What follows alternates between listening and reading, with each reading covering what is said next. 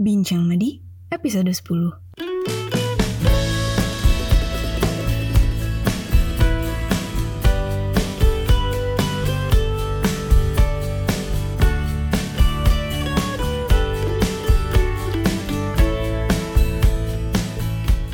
Halo, halo, balik lagi di Bincang Madi bersama aku Reina.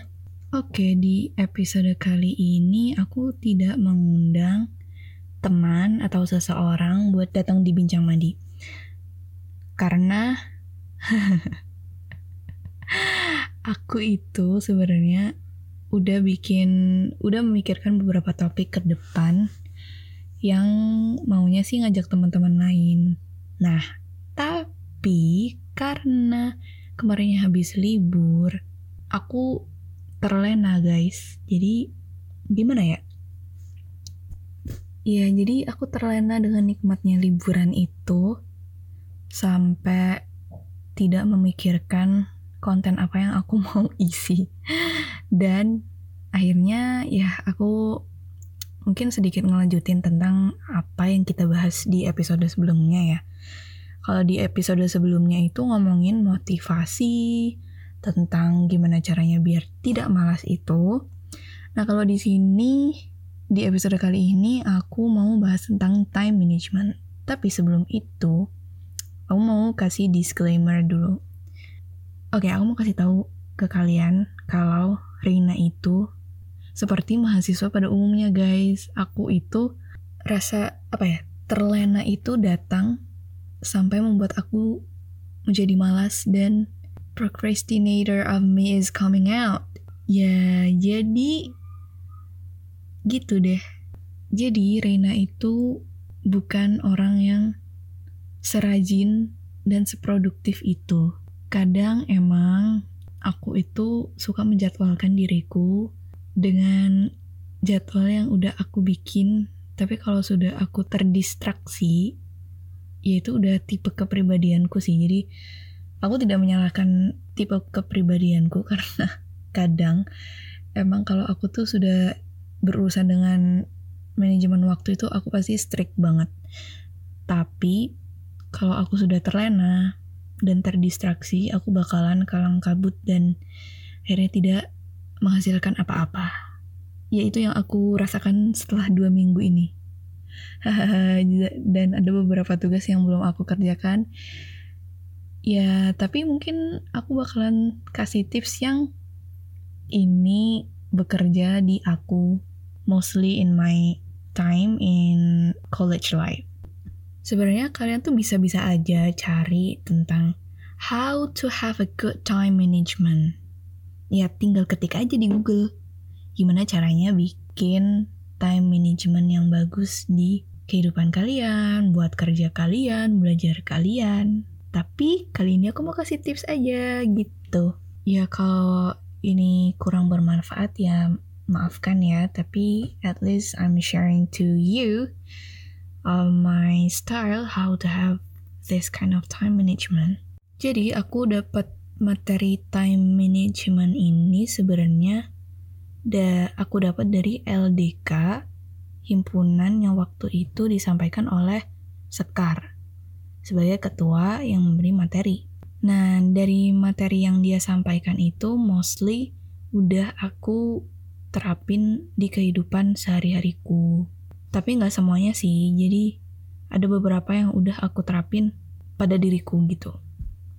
Ya udahlah, pokoknya kita masuk aja lah, lanjut aja lah. Daripada bacot nggak jelas ngomong ini gue. Oke, okay, time management itu adalah kemampuan seseorang untuk mengatur waktu. Daripada aku ngasih tahu advantage or disadvantage of time management, aku lanjut aja kali ya yang sudah aku lakukan tentang time management ini. Dan sebenarnya aku juga sedang menerapkan apa ya minimalism lifestyle. So I'm still a newbie here Mungkin kapan-kapan kita bahas tentang minimalism lifestyle ya. Tapi kali ini tentang time management ala minimalist. Tips pertama adalah set goals and targets right away. Maksudnya adalah ya kalian tentuin tujuan dan target-target apa yang kalian pengen lakuin di waktu terdekat atau mungkin untuk in a long term, kalian bisa tulis tuh target-target kalian apa yang ingin kalian lakukan.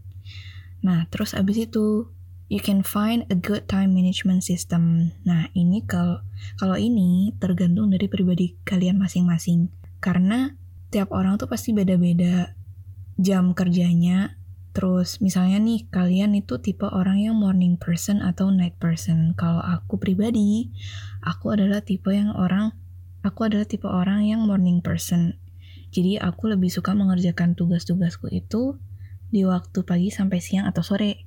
Mungkin kalau awal-awal aku kuliah itu ya yeah, because I'm a I'm a part of procrastinator jadi aku dulu suka mengerjakan tugas di waktu malam hari. Nah, sebenarnya itu tidak baik untuk kesehatanku karena di malam hari itu gimana ya waktunya istirahat dan itu malah bikin capek diri kita gitu jadi ya itu tergantung pribadi kalian sih kalau kalian mungkin lebih suka mengerjakan tugas di pagi hari atau di malam hari karena setiap orang pun juga beda kapan waktu mereka mendapatkan ide-ide itu. Nah, beda lagi dengan adikku. Adikku itu tipe orang yang night apa ya? night shifter gitu. Jadi dia lebih produktif ketika dia mengerjakan tugas itu di saat malam hari. Jadi bisa menumpahkan ide-idenya di malam hari. Nah, sementara aku mungkin untuk brainstorming pun kita uh, as a designer we can't choose the right time to set our ideation or itu jadi gimana ya brainstorming itu bisa datang kapan aja tapi alangkah bagusnya kalau kalian itu menyediakan waktu untuk menggali ide di saat fresh. Jadi misalnya kayak kayak kalian bangun pagi terus itu kan membangun hari dengan baik dan fresh itu bisa memberikan ide yang lebih baik gitu. Terus audit your time for seven days straight. Maksudnya adalah menjadwalkan waktu kalian selama tujuh hari ke depan. Jadi selama satu minggu itu. Ya kayak anak sekolah gitulah guys. Jadi kalau di SMA, mungkin di SD, SMP, SMA dulu itu, kita pasti kan dapat tuh jadwal kuliah, jadwal sekolah dari pagi misalnya datang sekolah itu jam jam 7 terus habis itu belajar ini mata pelajaran ini terus habis itu istirahat jam segini terus mata pelajaran segini terus waktu isoma jam segini gitu ya kalian bisa bikin jadwal itu untuk pribadi kalian sendiri. Terus habis itu apa lagi ya? Oh ya, ini yang tadi aku omongin, spend your morning on most important tasks. Jadi ya tugas-tugas yang penting-penting itu paling enggak dikerjakan di pagi hari. Oh ya, karena as a minimalist, kita itu harus memaksimalkan kalender. Gimana caranya? Kalender yang ada di HP kalian itu maksimalkan guys. Jadi bikin jadwal-jadwal sehari-hari kalian tuh dari kalender. Ada kan aplikasi kalender? Nah, itu kalau di aplikasi kalender itu pasti kita bisa nge-set jadwal atau jam berapa sampai jam berapa kalian harus melakukan apa. Itu dimaksimalkan, jangan diliatin doang cuma buat lihat, oh sekarang tanggal berapa ya? Uh, ulang tahunnya ini tanggal berapa ya?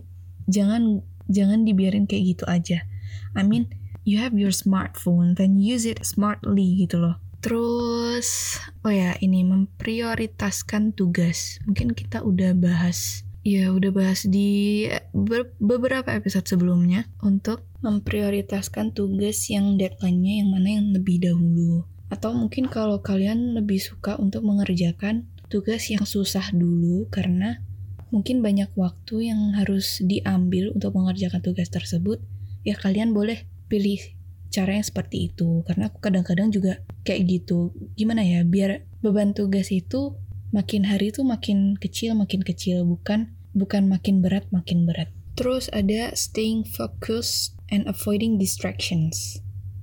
Nah, ini, ini yang penting. Kalau kalian udah menjadwalkan diri kalian dengan tugas-tugas tersebut, ya kerjakan dengan fokus, jangan terdistraksi dengan hal-hal yang lain. Nah, aku tipe yang gampang terdistraksi seperti itu. Jadi sebenarnya aku juga masih belajar gimana caranya untuk tetap stay fokus pada suatu pekerjaan gitu. Ya karena gak bisa dipungkiri lagi kalau kadang kita menemukan sesuatu hal yang kita sukai yang lainnya. Tapi gimana caranya kita untuk memanage diri kita biar tidak keluar dari jalur tersebut. Dan ini aku enak aja ngomongnya, padahal akunya juga agak susah buat gimana ya untuk stay fokus itu. Ya, kalau aku kadang nggak apa ya gak mempecuti diriku sendiri ya kadang keluar dari jalur terus aku bisa ke sana ke sini ke sana ke sini. Ngalur ngidul gitu jadinya. Terus ada lagi take frequent breaks when working. Jadi misalnya kalian jadi maksudnya adalah bikin waktu kosong atau istirahat ketika kalian bekerja. Jangan don't force yourself to finish your task for a day. I mean, multitask for a day. Jadi kalian bisa menjadwalkan kira-kira berapa lama sih aku harus mengerjakan tugas ini. Terus bisa nggak sih dikerjakan dalam satu atau dua jam? Kalau nggak bisa, ya kalian bisa memperpanjang waktu kerja tersebut bisa satu hari misalnya untuk mengerjakan tugas itu. Tapi jangan lupa untuk istirahat.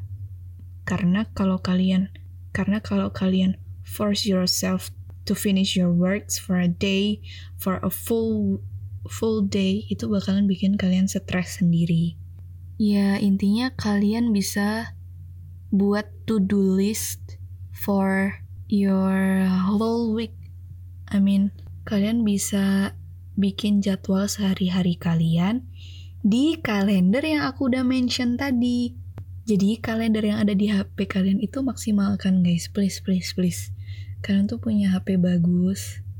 Terus itu udah ajaib banget loh. Kalender itu bisa ngasih tahu alert kalian buat jam segini buat kalian mengerjakan sesuatu atau ya ya pokoknya maksimalin lah smartphone kalian itu. Nah, kalau aku pribadi karena di BINUS itu bekerja sama dengan Microsoft. Nah, kalau aku tuh pakainya Microsoft Outlook. Jadi Microsoft Outlook itu adalah email tapi juga ada kalendernya. Dan kalau di jadwal apa ya? Jadwal kuliah kita itu bisa disinkronisasi dengan Microsoft Outlook ini. Dan sinkronisasikan jadwal kuliah, kalian terus kalian tuh bisa bikin apa ya widget atau kalian bisa nampilin widget Microsoft Outlook Outlook yang jadwal sehari-hari itu yang kalender itu di mana nih? Di home screen kalian gitu loh.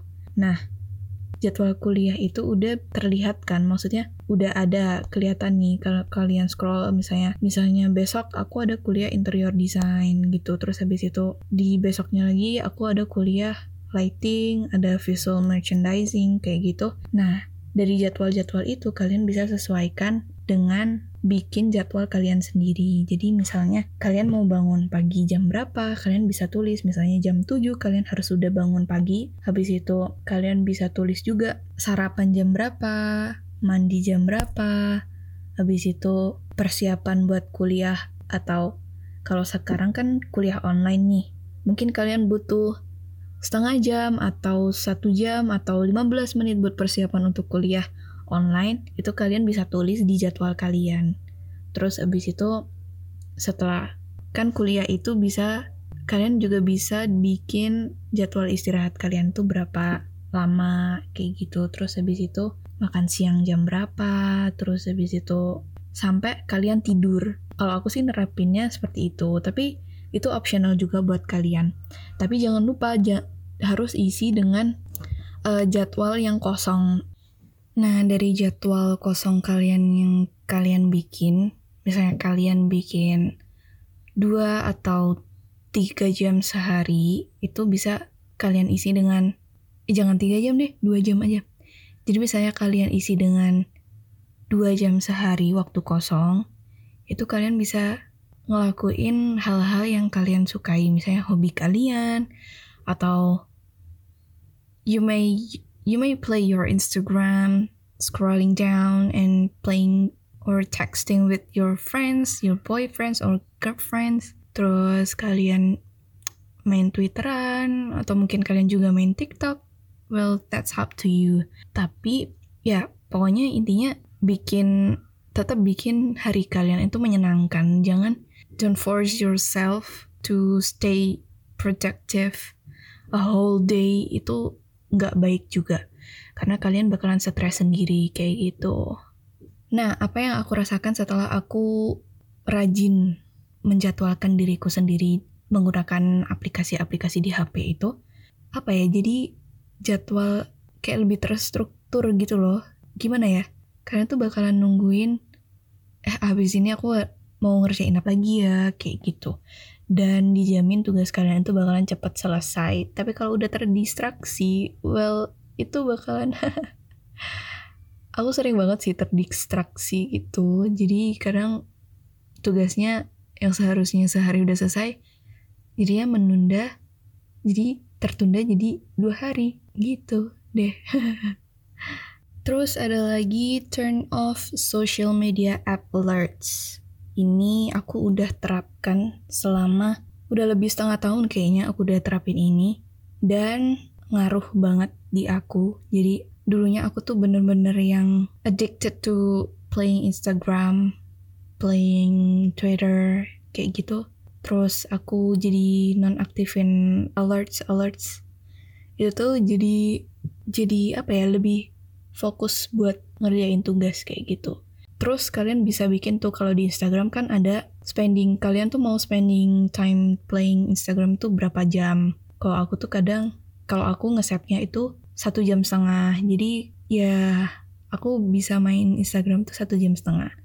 Terus kayak DM DM kayak gitu ngeluangin waktu buat balas itu di waktu tertentu. Terus yang aku nyalakan alerts eh aku nyalakan notifikasinya itu paling cuma WhatsApp dan Line dan email kayak gitu kalau mungkin aku nyalain WhatsApp karena itu udah paling penting ya maksudnya tugas-tugas kuliah, terus habis itu komunikasi dengan teman sekelompok, project, kayak gitu tuh udah wajib banget harus dinyalain. Karena kalau kalian nggak nyalain, kalian bakal cariin sama teman kalian. Dan jadinya buta arah guys. Kayak gitu. ya intinya bijak-bijaklah dalam bermain sosial media. Maksudnya kalian bisa, kalian tentuin sendiri waktu kalian untuk ngeluangin waktu waktu kalian untuk bermain sosial media. Mungkin kalau misalnya buat teman-teman yang agak susah buat ninggalin apa ya, mempersedikit waktu buat bermain sosial media itu bisa ya bertahap gitu. Jadi kalian pertama kalian set spending time 3 jam terus lama-lama di seminggu atau dua minggu selanjutnya jadi dua jam terus habis itu lama-lama satu jam dan itu menurutku udah cukup sih buat kayak tahu update hari ini tuh apa. Gitu. Terus terakhir, declutter and organize. Declutter and organize ini maksudnya adalah apa ya? ya pokoknya decluttering itu fungsinya untuk mereduce atau mengurangi distraksi dari luar.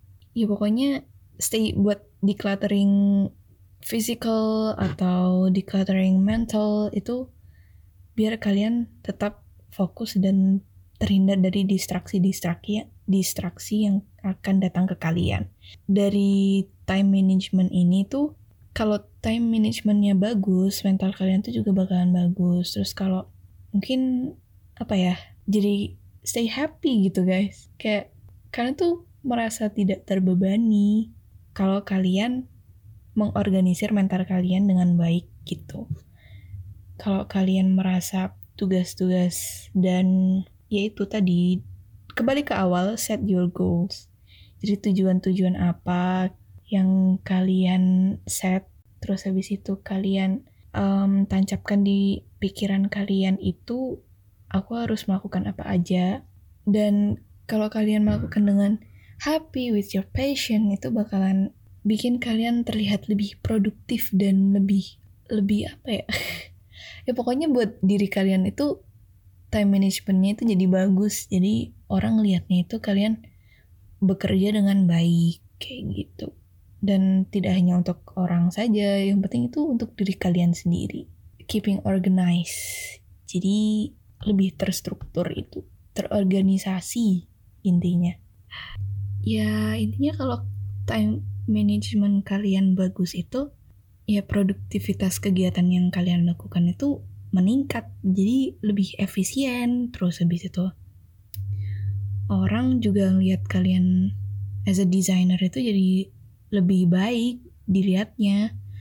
Terus habis itu kalian jadi less stress kalian jadi lebih happy melakukan pekerjaan kalian terus kayak kesempatan kerja atau um, achievement yang kalian pingin dapetin itu lebih meningkat gitu tujuannya itu jadi tujuan hidup kalian itu jadi lebih mudah untuk tercapai kalau kalian tetap terorganisir Gitu. Mungkin itu aja yang aku bisa sampaikan. Jadi, intinya set your goal and set your time management as good as possible. So good luck to find a good time management system that best for you. Thank you. Sampai jumpa di bincang mandi selanjutnya. Bye bye.